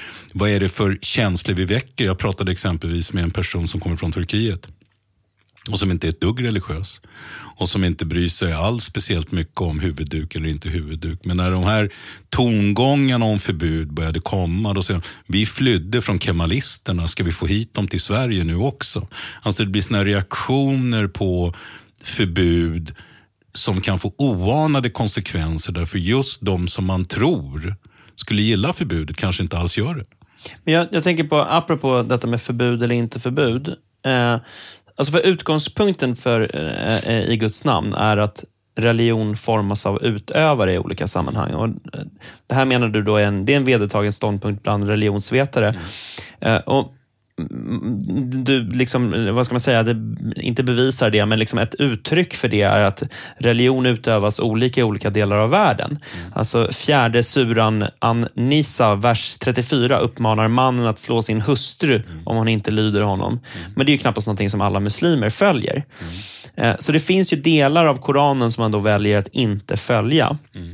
Jag tänker så här, det blev en väldig debatt för en tid sedan när man pratade då om, att, om förbud mot omskärelse. Mm. Att det innebär en förvägran för bland annat då judarna att utöva sin religion. Mm. Men i ljuset av liksom det du säger om att man kan utöva religioner på olika sätt, kan man då inte välja bort att omskära sig? Måste man vara omskuren för att kunna vara jude? Alltså i, i teorin så är det klart att man kan vara jude utan att vara omskuren. Mm. Polackerna? Ja, 68-polackerna exempelvis. Det var ju många som inte skar om sig av olika anledningar. De som kom till Sverige, man hade varit förföljd i Polen och så vidare. Så kom man hit. En del valde att genomgå omskärelsen här som vuxna. En del är fortfarande inte, misstänker jag. Så. Jag tror att, att, att alltså det är återigen det här svenska på något sätt. Att man hänger sig åt petitesser därför man har ingen berättelse. Den här ständiga oron och nervositeten. För min del, alltså skulle man säga så här att jag har ju aldrig diskuterat, jag undviker diskussion om omskärelse. När någon vill diskutera det så vänder jag på det med en gång. Jag vill inte diskutera omskärelse ur ett religiöst perspektiv. Om det finns någon forskning överhuvudtaget, och det finns, som menar att omskärelse har goda effekter på möjligheten att inte bli smittad eller inte könssjukdomar och så vidare. Det finns sån forskning, det finns annan forskning. Så vill jag naturligtvis skydda mitt barn från de här möjligheterna att bli smittad. Och då är omskärelsen av vissa forskare medicinskt motiverad. Det är inte svårare än så. Är det någon som vill ta ifrån mig möjligheten att skydda mitt barn från att bli smittad? Det, det finns en massa olika anledningar till omskärelse. I Sydkorea så är majoriteten av männen omskurna därför man tror att det är modernt. Du tar det utifrån ett liksom morots, en morotsargumentation. Och liksom så här, man, ska göra, man ska nöta in dem i ett system liksom som gör det attraktivt med alternativet, alltså att vara mm. integrerad eller assimilerad. Eh, kan man inte liksom dra en mer, eh, om jag fritt tolkad Hanif-linje? Att göra det oattraktivt att vara motsatsen till integrerad slash assimilerad. Alltså, vad Hanif resonerat mycket kring i den här podden har ju varit alltså att skapa stigman mot det avvikande i form av alltså, den japanska tunnelbanan, varför du inte pratar i telefon där, handlar om att du får dömande blickar. Och De dömande blickarna skapar det stigmat som gör att du vill inte sticka ut och vara den som liksom bryter mot de rådande normerna. Mm. Och Det här då, det här eh, det skulle ju vara ett alternativ till alltså, eh, förbud. Om man skulle säga då kring omskärelsen som exempel. Mm. Om man säger att omskärelse, att skära barn i könsdelarna när de är små, liksom, det är fel. Därför mm. vill vi inte ha det. Nej, men okej, men vi behöver inte förbjuda det. Men vi kan kanske få på plats ett stigma emot det. det och det tar ju liksom tid att... Alltså det där stigmat mm. för sådana som är omskurna. Det har ju funnits genom historien på en rad olika platser och det har fått konsekvenser som varken du eller jag önskar. Jo, men det är möjligt. Eh, men, men, men, det behöver men inte... Det, inte... Det, alltså att dra liksom en parallell till 30-talets Tyskland tror jag inte är påkallat bara för att... Liksom här... Det är inte 30-talets Tyskland, det kan vara tvärtom. Det, eh, massakern på armenier, där gjorde muslimerna tvärtom. De som inte var omskurna slog man ihjäl. Jo, alltså precis, det här att identifiera men... människor genom deras penis, det är liksom inte något nytt. Det, Nej, det, men, men okej, men alltså i form av så här, kläder, vad ska man bära? Alltså, så här, religiösa uttryck i offentliga rum exempelvis. Det behöver inte vara mm. just omskärelse. Jag menar bara på ett mer generellt plan. Det är klart plan. det ska finnas ett jävla stigma mot att ha på sig niqab i offentlighet. Ja, men då är frågan, alltså det, alltså det här med, med eh, Alltså jag, jag, Norbert, jag kan inte komma på något annat sätt. Ja, att, nej, att liksom nej, jag håller med dig där, men, men, frågan är var du ska lägga gränsen. Alltså Norbert Elias har ju det här resonemanget där han säger att anledningen till att man inte tafsar på kvinnor på badstränder eller kvinnor tafsar på män på badstränder. Det är inte att man inte vill, utan det är att man deklasserar sig och skämmer ut sig om man skulle göra det. Och Det betyder då att... Jag skrev, en, jag skrev en notis i kanten när jag läste det där i boken. Betyder det att män är djur? Nej, men det betyder att vi är liksom laddade med, vi har en massa konstiga tankar. Konstiga, vi har fullt naturliga tankar och idéer om vad vi skulle önska eller vilja och så. Så det där är ju inte, det, det där är ju biologi. Men jag menar att det är klart som sjutton att man ska ha någon slags struktur som deklasserar beteenden som är opassande. Men jag menar att det har vi hela tiden intuitivt. Mm. Vi skriker och hojtar. Vi, vi har gått så långt att vi till och med har en statsminister som ställer sig i riksdagen och vill tala om för människor hur de ska hälsa. Mm. Ja. Men anledningen till att vi fäster oss ofta vid petitesser, det är att vi inte har den här svenska berättelsen som människor ska vara en del av. Jag återgår till den amerikanska kvinnan med huvudduken som jobbar för regeringen om extremism och en del av den amerikanska berättelsen och tycker att det är sorgligt att vi i Sverige inte assimilerar folk in i systemet. Frågan är vad det innebär. Därför att om det ska handla om symboler, hur man hälsar, vad man har på huvudet och så vidare då är vi helt fel ute. Därför vi kan inte ha ett land där människor går i någon slags svensk uniform på dagarna. Niqab, det är en annan historia. Det är liksom att gå omkring och vara mas- det, det, det, är klart att vill man gå i stålmansdräkt eller niqab på gatan så är det svårt att hindra det. Men jag menar exempelvis att kan man inte skaka hand då kan man inte jobba inom polis, man kan inte jobba inom vård, man kan inte jobba i alla de här utrycknings, eh, olika typer av utrycknings... Kan? Betyder det här att du är för ett förbud? Nej. Eller nej, men, nej, men du kan inte få ett jobb. Nej, men. Okay, men, alltså, du kan, kan du inte ta i det motsatta könet, ja. då kan du inte jobba som polis. Då kan du inte jobba inom vården. Jag delar den bedömningen, men ja, jag bara menar, hur når man fram dit? Liksom. Hur, hur, når man fram dit då? Alltså, så här, är, ja, det för då skulle man kunna säga, nej men du diskriminerar min religion. Min religion säger nej, jag att jag diskriminerar inte din religion, därför att du kan inte, det har inte med din religion att göra, utan det har att göra med, jag, jag, jag träffade en tjej, en somalisk tjej i Skövde som inte tog i hand och var akutsköterska. Då tänkte jag, hur löser du det här? Då sa hon, jo, sa jag, på sjukhuset gör jag allt. Jag tar i hand, jag gör det, mm. jag, jag, jag går i kortärmat. Så hon hade hela. Men när jag kommer ut från sjukhuset, då är det mitt privatliv. Och jag menar att de här reglerna för vad man måste kunna göra för att arbeta inom vissa yrken, det borde vara helt okontroversiellt. Det är liksom inga konstigheter alls. Det är ju bara att bestämma, ställa frågan om någon kommer och söker jobb. Det här är de reglerna vi har. Mm.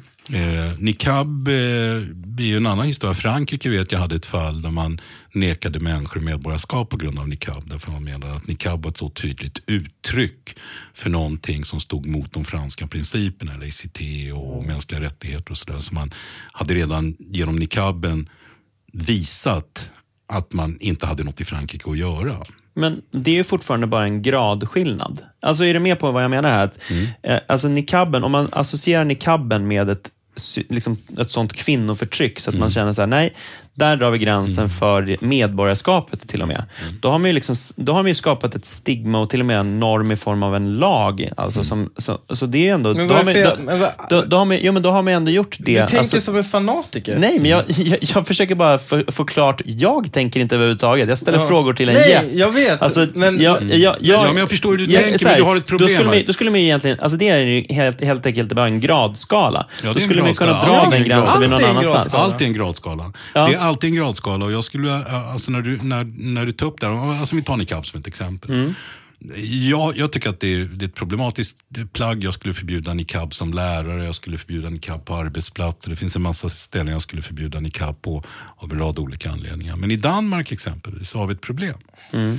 Därför, det, det, är en liten grupp niqabbärare, jag tror på 150 eller 200 personer som bär niqab i Danmark. Hälften av dem, hälften av dem, de är konvertiter. Mm vanliga danskor som av olika anledningar väljer att bära niqab och isolera sig från majoriteten. Det är inte helt ovanligt att man blir mer extrem när man kommer Nej, absolut inte. Men, men, men återigen, om vi har en idé mm om vad Sverige är, vad svensk kultur är. Vad, ska man kunna när man kommer som svensk medborgare? Vad kan man kräva av människor utan att skicka iväg dem på uppfostringsanstalter? Någon sån liksom svensk gulag om vad, hur man, alla ska klä sig i uniform. Alltså I Nordkorea så har man ju inte de där problemen med kläder överhuvudtaget. Därför det, det liksom, variationen, shoppingmöjligheterna är inte så stora just mm. där. Och, och dit tror jag inte att vi vill komma. Nej. Men jag tror däremot att man kan vara väldigt tydlig med vad som är möjligt och vad som inte är möjligt. Det är inte möjligt att jobba inom vården om du inte kan skaka hand. Det ska inte vara möjligt att jobba inom polis om du inte kan skaka hand och så vidare. Det, kan, det, det kanske inte ska vara möjligt att vara så att säga, miljöpartistisk politiker om du inte tar kvinnor i hand också? Eh, Nej, du... Ja, alltså, så, alltså, alltså, det är möjligt att du inte ska kunna representera. Ja, exakt. ja precis. Och, och, och, men, men sen kommer man då till nästa steg. Kanada har en försvarsminister som är sikh och bär turban. Mm. Eh, eh, eh, det, det, jag tycker exempelvis att det är klädsamt att eh, stora företag som MTR, Ikea och så vidare ger en möjlighet till uniformsenliga huvuddukar. Eh, där, därför att för en del är det här jätteviktigt. Liksom. Om de, de kan vara 30 och 40 bast och de kan vara 50 och de kan vara 25. Eh, och sen varför det är viktigt, det blir liksom deras ensak. Om det är en om det är en kul grej eller om det är religiöst betonat. Eller om det, är, det, det där med hur mycket hud man vill visa och hur mycket man vill klä av sig. Och så där, det är jättekomplicerat. Men jag tror återigen, vår osäkerhet i Sverige gör att vi fokuserar hela tiden på vad jag menar är oväsentligheter. Återigen, det är jättesvårt att jämföra med USA, men USA har ett ankare som ligger i konstitutionen. Och konstitutionen, är du med på den är det bra. Kan du skriva under på den får du bli medborgare. Kan du vara en del av den amerikanska berättelsen. Amerikana experter på det där. Vi var på hockey på kvällen, det var Veterans Day. Det kommer in liksom äldre herrar i 80-årsåldern, stapplar in på isen där. Och så är de veteraner. Hela publiken reser sig upp därför en veteran har kommit in på isen. Det finns ju inte en chans att någonting sånt skulle hända i Sverige. Och jag tror att den här liksom, respekten och självrespekten för en nationell berättelse som behöver växa fram. Idén om att vi faktiskt har något svenskt som är bra och viktigt och tydligt. En svensk kultur som vi är villiga att förmedla utan att skämmas och dra oss undan och så vidare. Det skapar per automatik en dynamik och ett möte som gör att man inte bara kan köra över det svenska. Det är helt orimligt att vi ska ha en situation där det sitter ett par imamer just nu, har suttit i förvar, eh, som rent ideologiskt föraktar Sverige, föraktar allt vad Sverige står för. De ska utvisas, man bestämmer att de ska utvisas och utvisar dem inte. Allt det där gör ju att vi framstår som traser. Det är ett land utan ryggrad och ett land utan ryggrad är nervöst, därför att man känner sig hotad och så håller man på att tjafsa om om man ska skaka hand eller ha huvudduk på huvudet istället. Och att man ska förbjuda folk att röka på trottoaren. Det är de stora frågorna som vi måste försöka liksom lösa. Därför att annars, det är precis som Hanif säger, annars kommer vi fatta en massa beslut och dra iväg åt olika håll som kommer få konsekvenser som vi inte kommer kunna hantera. De här sex skulle utvisas för länge sedan. Om man har ett utvisningsbeslut därför att det finns bevis för att de ska utvisas, då är det bara att utvisa. Så, eh, Men det, jag, jag, tycker bara, apropå det här, eh, vi är ju, nu får vi se när det här, det här sänds nog säkert eh, senare än vad det sker, men just nu så står det ju om den irakiska försvarsministern. Eh, och det är ganska intressant för att eh, han har ju fått medborgarskap i Sverige efter bara fyra år, så han är ju flyktingklassad. Och eh, det intressanta är att lagen säger ju att du får ju vänta du måste ju vänta 25 år eh, med att få medborgarskap om du har haft, eh, varit medlem eller haft eh, eh ledande befattning i, i, en organisation som ägnar sig åt systematisk tortyr eller eh, utomrättsliga avrättningar och sådana saker. Och av någon anledning har den här mannen inte fått då den här 25-åriga karensperioden. Mm. Vilket och får en att tänka sig om den irakiska generalen inte, in, man anser att Irak, så att säga, både i form av regering eller i, i form av, av, av som general i, i irakiska armén, inte sysslar med sånt. Då undrar jag, varför kan vi inte då utvisa de här irakiska imamerna? Det är ju, de, här två, de här två sakerna står emot varandra, nämligen å ena sidan kan han få ett medborgarskap för han har inte bedrivit någon, varit ledande befattning i en organisation som sysslar med tortyr. Mm. Och Å den andra sidan så kan vi inte utvisa de här irakerna för de riskerar att utsättas för tortyr. Mm. Eh, det, det, går emot varandra lite. Mm. Eh, men det här är ju ett... Det, det, det ger ju intrycket av, det är, det är ju beviset på att våra problem är ju kulturella. Våra, våra, våra problem Sveriges kultur, problem är svensk, svensk kultur är ryggradslös. Ja, alltså den är inte bara ryggradslös. Jag tror det finns en annan sak och det är det här att vi har brutit ner alla hierarkier. Ingen bestämmer och ingen tar ansvar. Va? Alla organisationer är platta, alla ska vara med.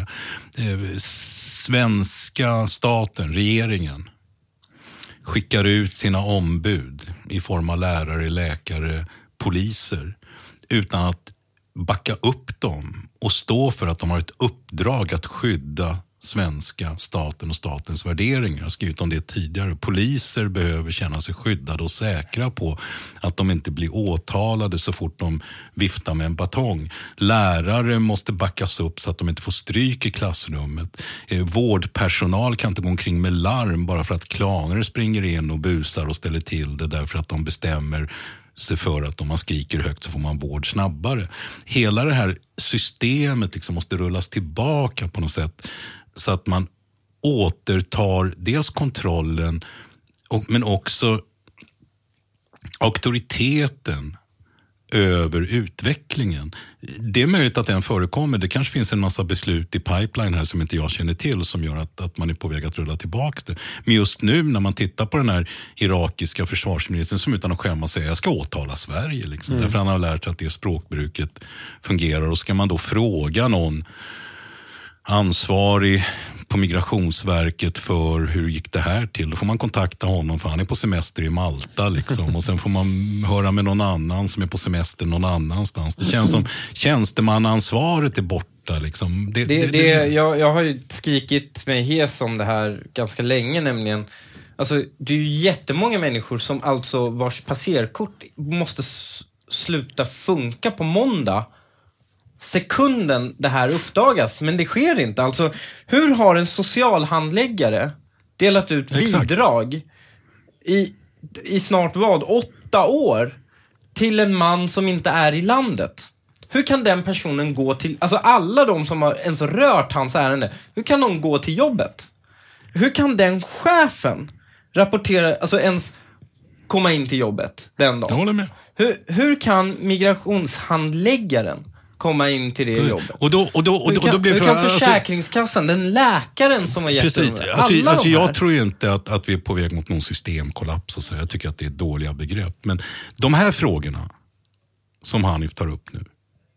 Det är i brist på lösningar på de stora, viktiga problemen. Neka folk medborgarskap, utvisa människor. Han sa, det var någon svensk minister som lovade att 60 000 skulle utvisas. 80 000 utvisningar, 80 000, ja, Ygeman då. Jag, jag, vet ju inte hur många av dem. Men det, det, det finns ingen jag kan, hand. jag kan säga att det är en mikroskopisk Ja, anledning. men politiker säger, ingenting händer. Ingen handling bakom orden. Man gör inte det man säger. Man är inte förmögen att strida till handling.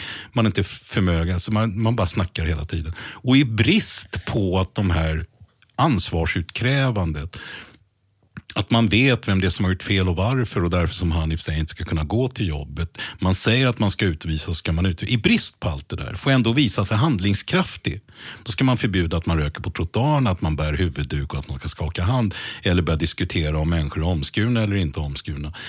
Jag lovar dig, jag ville sätta pengar på hur mycket som helst. Att om allt annat skulle fungera, medborgarskapstester, kontroll över vem som får och inte får, eh, eh, eh, olika typer av bidrag, tystnad på biblioteken, kontrollen över man ska inte kunna busa runt hur man vill, lärare som har någon slags auktoritet i klassrummet, poliser som har koll på gängkriminaliteten som man inte skjuter var och varannan dag. Så jag ville sätta pengar på att folk kommer skita i vad folk har på huvudet. Fullständigt. Men konkret då, om man ska prata om just integrationsfrågan. Vad är det, för du, du säger att eh, ja, men, eh, vi behöver liksom rent normativt, eller vad man ska säga, behöver vi ha på plats en, vad ska man säga, en svensk berättelse, eller någon slags eh, svensk, som, samma som konstitutionen i USA behöver vi ha. Liksom. Ja. Men det tar ju som sagt tid att ordna, så vad ska vi göra politiskt idag? Vad behöver Ja, göras alltså nu, nu, nu för att påstår ju människor att det förekommer, men? Sverige måste kunna positionera sig och säga så här funkar det i Sverige. Kanada har ju ganska tydliga regler. Du kommer till Sverige, så här ser det ut i Sverige. Det här är vad vi gör i Sverige. Man kan inte kontrollera vad folk tänker. Nej. Alltså man kan inte säga så här, du måste tänka rätt, liksom, hbtq-frågor och så där. Det funkar inte. Men det finns saker man inte får göra. Man får inte gifta bort sina döttrar utomlands. Man får inte skicka iväg dem för att giftas bort med en kusin. Det är sådana saker som man inte får göra. Om du ändå känner att du manad kommer vara tvungen att göra det, då har inte du något här att göra. Alltså, medborgarskapet måste vara villkorat på att personen som kommer hit skriver under någon slags idéförklaring om vad som är tillåtet och inte tillåtet. Ett medborgarskapstest helt enkelt. Sen hur det ska utformas, det överlåter jag åt politikerna. Men det finns ju olika varianter på medborgarskapstest runt om i världen. Men här är också, det här är också, det här är också ett resultat av... Så, irakiska, han är ett perfekt exempel, för han, är, han har fått medborgarskap på fyra år. Mm. Kan någon, den som tror att du blir svensk på fyra år, kan väl kan väl eh, jättegärna dra den pitchen till mig, hur det går till. Hur fan blir man svensk på fyra år? Vi, det mest optimistiska, de mest så här, framgångssagorna, så är det att de kanske får jobb inom sex år. Mm. Alltså, det här är människor som alltså blir svenska medborgare innan de ens lärt sig att bli svenska arbetstagare. Mm. Alltså, och, jag, jag, alltså, jag, bara, om, om det hade varit ett normalt land, då hade vi ett haft en normal karenstid på 10-12 år. Så att en värderings, så att säga, en värderingsassimilation kan ske ens. Det, det är klart att du inte ens hinner få det. På, ja, alltså frågan på, är ju på, det, om, om, om du måste Alltså, som du säger, hinner man bli svensk? Det är klart man inte hinner bli. Det kan ta generationer att bli svensk. Mm. Men frågan är om man kan vara svensk medborgare och fungera i det svenska samhället utan att vara det du kallar för svensk. Och det tror jag att man kan. Därför jag tror att man mycket väl kan leva efter svenska lagar och regler, fungera i samhället. Det finns ju massor av människor som... som ja, det är klart att som, de kan, har, men sannolikheten att du klarar av det och om den tidskarensen är tio år jämfört med fyra. Ja, precis, men det är, att du selekterar bort de som inte kan det. Ja, precis. Men då menar jag också att man kan ha eh, eh, alltså man kan ha olika brottsskalor där man säger att om man under den här kadenstiden utför vissa brott som, ja. och så, då, då, får man inget mer. Det, det, det, finns en massa alternativ. Jag vet inte vilket alternativ som är bäst.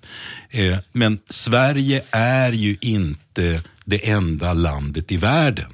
Mm. Det finns ju massa länder runt om som har olika typer av medborgarskapstest, som olika principer för exempelvis anhöriginvandring och försörjningskrav. Du, eh, du pratade om eh, multikulturalismen också, alltså att Sverige har gått fel där. Alltså enligt ja. Multi Multiculturalism Policy Index, mm. så, där man då följer den multikulturella utvecklingen i 22 europeiska länder, mm. så är Sverige ett av de länderna som vidtar mest multikulturella åtgärder. Och då är det i betydelse av så här, representativitetspolitik, hemspråksutbildning mm. och då kommer just detta med acceptans av avvikande klädkoder och så liknande. Mm. Men, men eh, det finns de, bland de länderna som gör det mer än Sverige så är det då, som vi pratar om Kanada och även Australien. Men, mm. men Sverige har till skillnad från dem då eh, liksom ingen krav på motprestation. Exakt. Alltså det jag säger i princip är att det, Sverige har gjort tre fel av tre möjliga. Mm. Vi kastar medborgarskap efter folk, det finns inga medborgarskapstest. Vi har maximal multikulturell politik i betydelsen av hemspråksundervisning. Vi har liksom inga anpassningsinriktade åtgärder. Mm. Och tre, vi har tagit emot fler människor i förhållande till en befolkning än de flesta andra länder som har helt andra uppfattningar om hur en demokrati ser ut än vad som är normerande i Sverige. Det kan inte funka. Nej. De här andra då, och det finns ju forskning som visar att ju mer multikulturell politik du bedriver utan motprestationer, ju, fler in, ju mer inflöde får du också. Alltså folk etablerar sig, vi har liksom en somalisk diaspora nu som bor i Sverige och ju större den har blivit, ju fler har kommit hit. Dra till sig, det finns en pull-effekt som redan är etablerad syrianer, det finns som man kommer släkt, vänner och sådär. Och vi har, vi, vi, har missat alla de stationerna som gör det här med medborgarskap. Vi, vi, alltså vi har ingenting av det. De flesta länderna i Europa skruvar upp medborgarskapskraven. Vi har inget att skruva upp för vi har inga krav. Utan istället då så, så gör vi en massa så här multikulturalism-satsningar. Och, ja. en av och de motreaktioner mot det. Och, Nämligen ja. till exempel diskutera slöjor eller omskärelse. Ja, håller vi på en petitesser som egentligen... Som, som, som, som, så här, och återigen, skulle allting ha funkat skulle allting ha funkat. Vi skulle ha haft medborgarskap, vi skulle ha någon slags kontroll över vem som kommer och inte kommer. Vi skulle ha haft liksom ett kontrollerat inflöde, vi skulle veta hur många det är som kommer, vem som kommer, vem som har varit batist, vem som inte har varit batist, om någon hotar landets säkerhet eller inte, stoppa människorna vid gränsen, haft gränskontroller och så vidare. Eh, hittat vägar till anpassningsinriktade åtgärder genom skolan, medborgarskapstester, språktester, vad det nu kan vara. Allt det där. Det finns inte en människa som hade diskuterat slöja i Sverige. Det, Nej, det, men- alltså, det är ingen som hade brytt sig överhuvudtaget. Det är ingen som hade brytt sig om, därför, därför reglerna, alltså så här, återigen Skövde så kommer en kille och han har en kommentar då till det jag har sagt. Och säger han så här, ja, men ska det där med liksom integration och så där, borde inte vi hjälpa till så det blir lättare för människor att vi också anpassar oss så att de kommer in i, i samhället. Och det där är ju, det där är ju intellektuell nonsens. Därför att om vi vill att människor ska anpassa sig, då måste vi väl veta vad de ska anpassa sig till. Alltså människor kommer hit, de flesta vill jag ändå tro, kommer till Sverige med en vilja att hitta ett jobb, starta ett nytt liv och på något sätt anpassa sig till systemet eller försöka hitta en form, bevara en del av sin kultur och sitt arv. Men, men då måste man få de verktygen och jag är inte säker på att integrationsprocessen har varit tydlig med vad det är man faktiskt förväntar sig. Men jag, tycker, alltså jag tycker det är intressant. Jag håller med om eh, väldigt mycket av vad du säger, men en grej som jag eh, tänker på är just de som inte eh, riktigt uppvisar, alltså när det kommer så pass många så att man hamnar i sin liksom enklav alltså av eh, ja, andra somalier eller andra kurder eller vad det nu må vara, så kan man hamna i att man liksom inte har intresse av att bli en del av samhället. Och du, du är ändå inne på det när du pratar om det här med att Alltså det är fel med att ge finansiellt stöd till organisationer som definierar sig religiöst eller etniskt. Eh, och, men är inte det, eh, förklara, är inte det en sån där petitessfråga? Är inte det att, eh, eh, skulle man inte kunna svara mot det så här, ja men hade allting funkat så hade det inte spelat någon roll om eh, Nej. somaliska föreningen fick pengar? Nej. Nej? Där, därför att signalerna med de här etniska föreningarna, det är att om du ställer dig vid sidan av samhället, då får du pengar. Alltså det finns ju ingen som, som, som alltså alla de här föreningarna är ju så att säga definierade som någon slags normbrytande föreningar och somaliska föreningar. Det, det finns en massa föreningar, eh, museer har gått igenom alla de här föreningarna. Det är alla föreningar som är ett gemensamt och det är att man känner sig utanför det svenska samhället, man diskuterar rasismen och så vidare. Definitionen för att få pengar är ju inte att man... Jag har svårt att tänka mig att någon får pengar för att man är ett gäng som heter Kalle och Pelle och liksom tycker om att käka räkmackor och gå på fotboll. Alltså det är inte den typen av, då, då, då, då hamnar man inom idrottsrörelsen. Utan det här är ju föreningar som är etniskt definierade eller religiöst definierade. Att vara etniskt definierad eller religiöst definierad i de här fallen, det är att ställa sig vid sidan av den svenska normen. Det tycker jag man ska få göra. Jag tycker man ska få hålla på med vad man vill. Men att finansiera det innebär ju att man ger ett incitament till att inte anpassa sig. Därför om man anpassar sig så får man inte pengarna. Amen, jag håller verkligen med. Men du skriver däremot att, eh, eh alltså att Sverige kan välja att stödja grupper som vill utveckla ett svenskt islam snarare än att försöka göra Sverige mer islamskt eller ännu värre skapa en skiljelinje mellan Sverige och islam, om man nu ska isolera detta till islam. Och Mm, vilka ja, sådana riktigt- islamska alltså det- grupper finns det? Det är inte riktigt det jag säger, utan jag säger väl istället så här att det Sverige har gjort Religionskollision sidan 18. Ja, Okej, Nej, men, ja, okej. Men, men, men, men, men, men det jag säger är väl snarare så här. Sverige har homogeniserat uttrycken för islam i Sverige Ja. för att man har finansierat vissa grupper som ett visst uttryck för islam.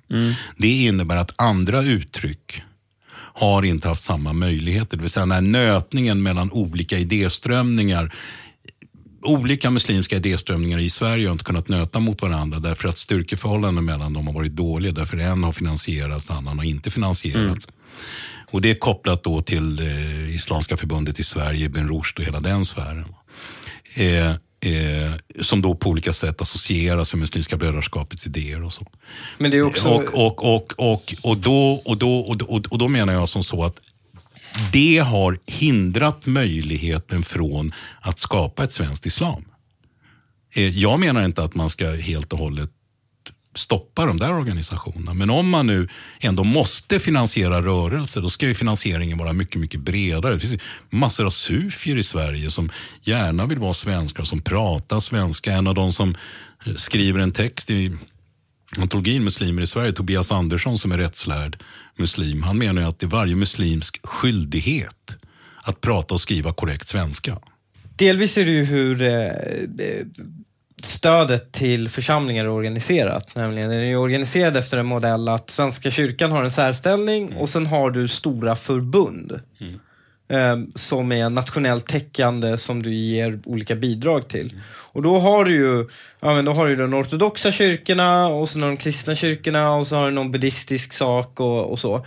Och sen har du två, i grund och botten två muslimska. En är en stor sunnimuslimsk eh, organisation och en är en shia-muslimsk. Och den stora sunnimuslimska är brödraskapare, liksom, eller brödraskapsaffilierat. Så, så det är väl lite, orsaken till varför det ser ut som det gör i Sverige, varför det är den dominanta rösten, för det, det är så du så att säga får ut dina pengar. Du, du säger lite mot dig själv när, när du säger att här, men det är att ställa sig utanför samhället, att välja att organisera sig baserat på sin gamla etnicitet men det var inte det jag sa. religion. Det jag sa är att när man finansierar det så uppmuntrar man till att ställa sig vid sidan av samhället. Det vill säga, det finns ett incitament till att inte, Mm. att inte söka sig till det svenska. Att ställa sig vid sidan av samhället, eller så här, att utöva sin religion eller sin kultur i, i någon slags enklav, samlas och prata, vara liksom jude eller vara muslim eller kurd eller vad man nu var, en liten kulturförening där man håller på med de här grejerna i den svenska miljön som en del av sin fritid. Det är ju inget konstigt. Och då har man liksom en bindestrecksidentitet. Men när man har ett ekonomiskt system som säger att ju mer du ställer dig vid sidan av det svenska samhället, ju större är sannolikheten att du får pengar. Då har man ett incitament för att inte anpassa sig.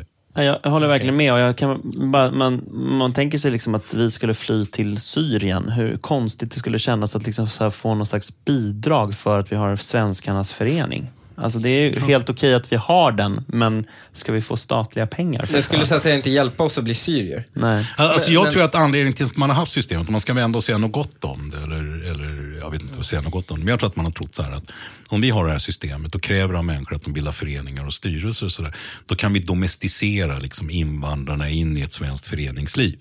Det har man ju. Alla de här strukturerna och systemen och så vidare har varit perfekt för socialdemokratin att korporativistiskt så att Ja. säga, ges, eh, dra nytta av. Problemet är det bara här att- är ju, Det här är diskussionen som Vänsterpartiet har. Varför har Vänsterpartiet sämre stöd i förorterna än liksom Eh, som de borde ha det allra bredaste stödet hos. Varför har Vänsterpartiet sämre stöd i förorterna än vad SD har? Det är ju helt makalöst egentligen. Och orsaken till det är ju väldigt tydligt nämligen. Socialdemokraterna har korporativistiskt i de här områdena investerat i att bygga upp de här strukturerna och sen ta nyckelpersonerna som då sitter som gatekeepers och, och göra dem till sina. Och det, och det där är jätteintressant, därför att det här med representativitet borde egentligen säga att hej, jag heter si och så, jag har en lista på 10 000 namn, jag representerar dem. Men de här gatekeepers som Hanif pratade om, det finns inga siffror på hur många de har. Alltså de har lurat politikerna, eller så har politikerna velat bli lurade just av dem. Eh, eh, att de representerar en större grupp muslimer och den här gruppen då i den mån det finns någonting sånt, alltså muslimer i allmänhet i Sverige har fått intrycket av att de här representanterna kan föra deras talan bland politiker. Men om man tittar Det är på... liksom Pascalido-syndromet. Hon är känd i Grekland för att vara känd i Sverige och hon är känd i Sverige för att vara känd i Grekland. Och det blir ju lite med de här, nämligen att de blir kända bland muslimer för att för att de tror att det är de svenskarna som ser dem som representanter för muslimerna och, musli- och svenskarna tror att de är kända bland muslimer för att de är representanter. Precis, men, och det stora männet är att tittar man på studier som har gjorts i Frankrike och England exempelvis, på de här organisationerna, hur mycket de representerar, så är stödet för de här organiserade grupperingarna av muslimer i England och Frankrike mellan 6 och 9 procent. Så de är inte ens representativa. Klart de inte är. De, det, det, det, är ju- blodsbandskulturer som inte gillar att organisera sig efter idégemenskaper. Och det är klart att det kommer inte få stöd. Um, så, Eli Gender, ska vi ta och Mm. tacka dig för ett mycket givande samtal. Vi, eh, Tack för att jag fick komma. Ja, verkligen. Det blir ett längre avsnitt denna gång, men jag tror eh, i och med att ämnet var så brett och din kunskap så djup så tror jag våra lyssnare verkligen uppskattar det. Jag sa det eh, innan jag sprang på en kompis här i korridoren att så här, det är få avsnitt som jag har lagt så mycket tid på att förbereda som det här. Och ändå känner jag mig så här innan, så här, fan, jag vet liksom inte hur jag ska komma ut på andra sidan. För det, det här skulle kunna göras till en så här serie. Man Ja. skulle kunna prata i sju veckor med dig. Det är väldigt intressant att lyssna. Det finns ju många olika nivåer. Ja. Och då har vi inte ens, vi, vi, vi, vi skrap, vi brukar ju ringa varandra och, och prata i flera timmar om, om typ Mellanöstern och dess utveckling och sånt. Och då har vi inte ens skrapat i det. Vi har inte ens kommit i närheten av det. Nej. Nej. Stort tack! Tack själva, tack för att jag fick komma.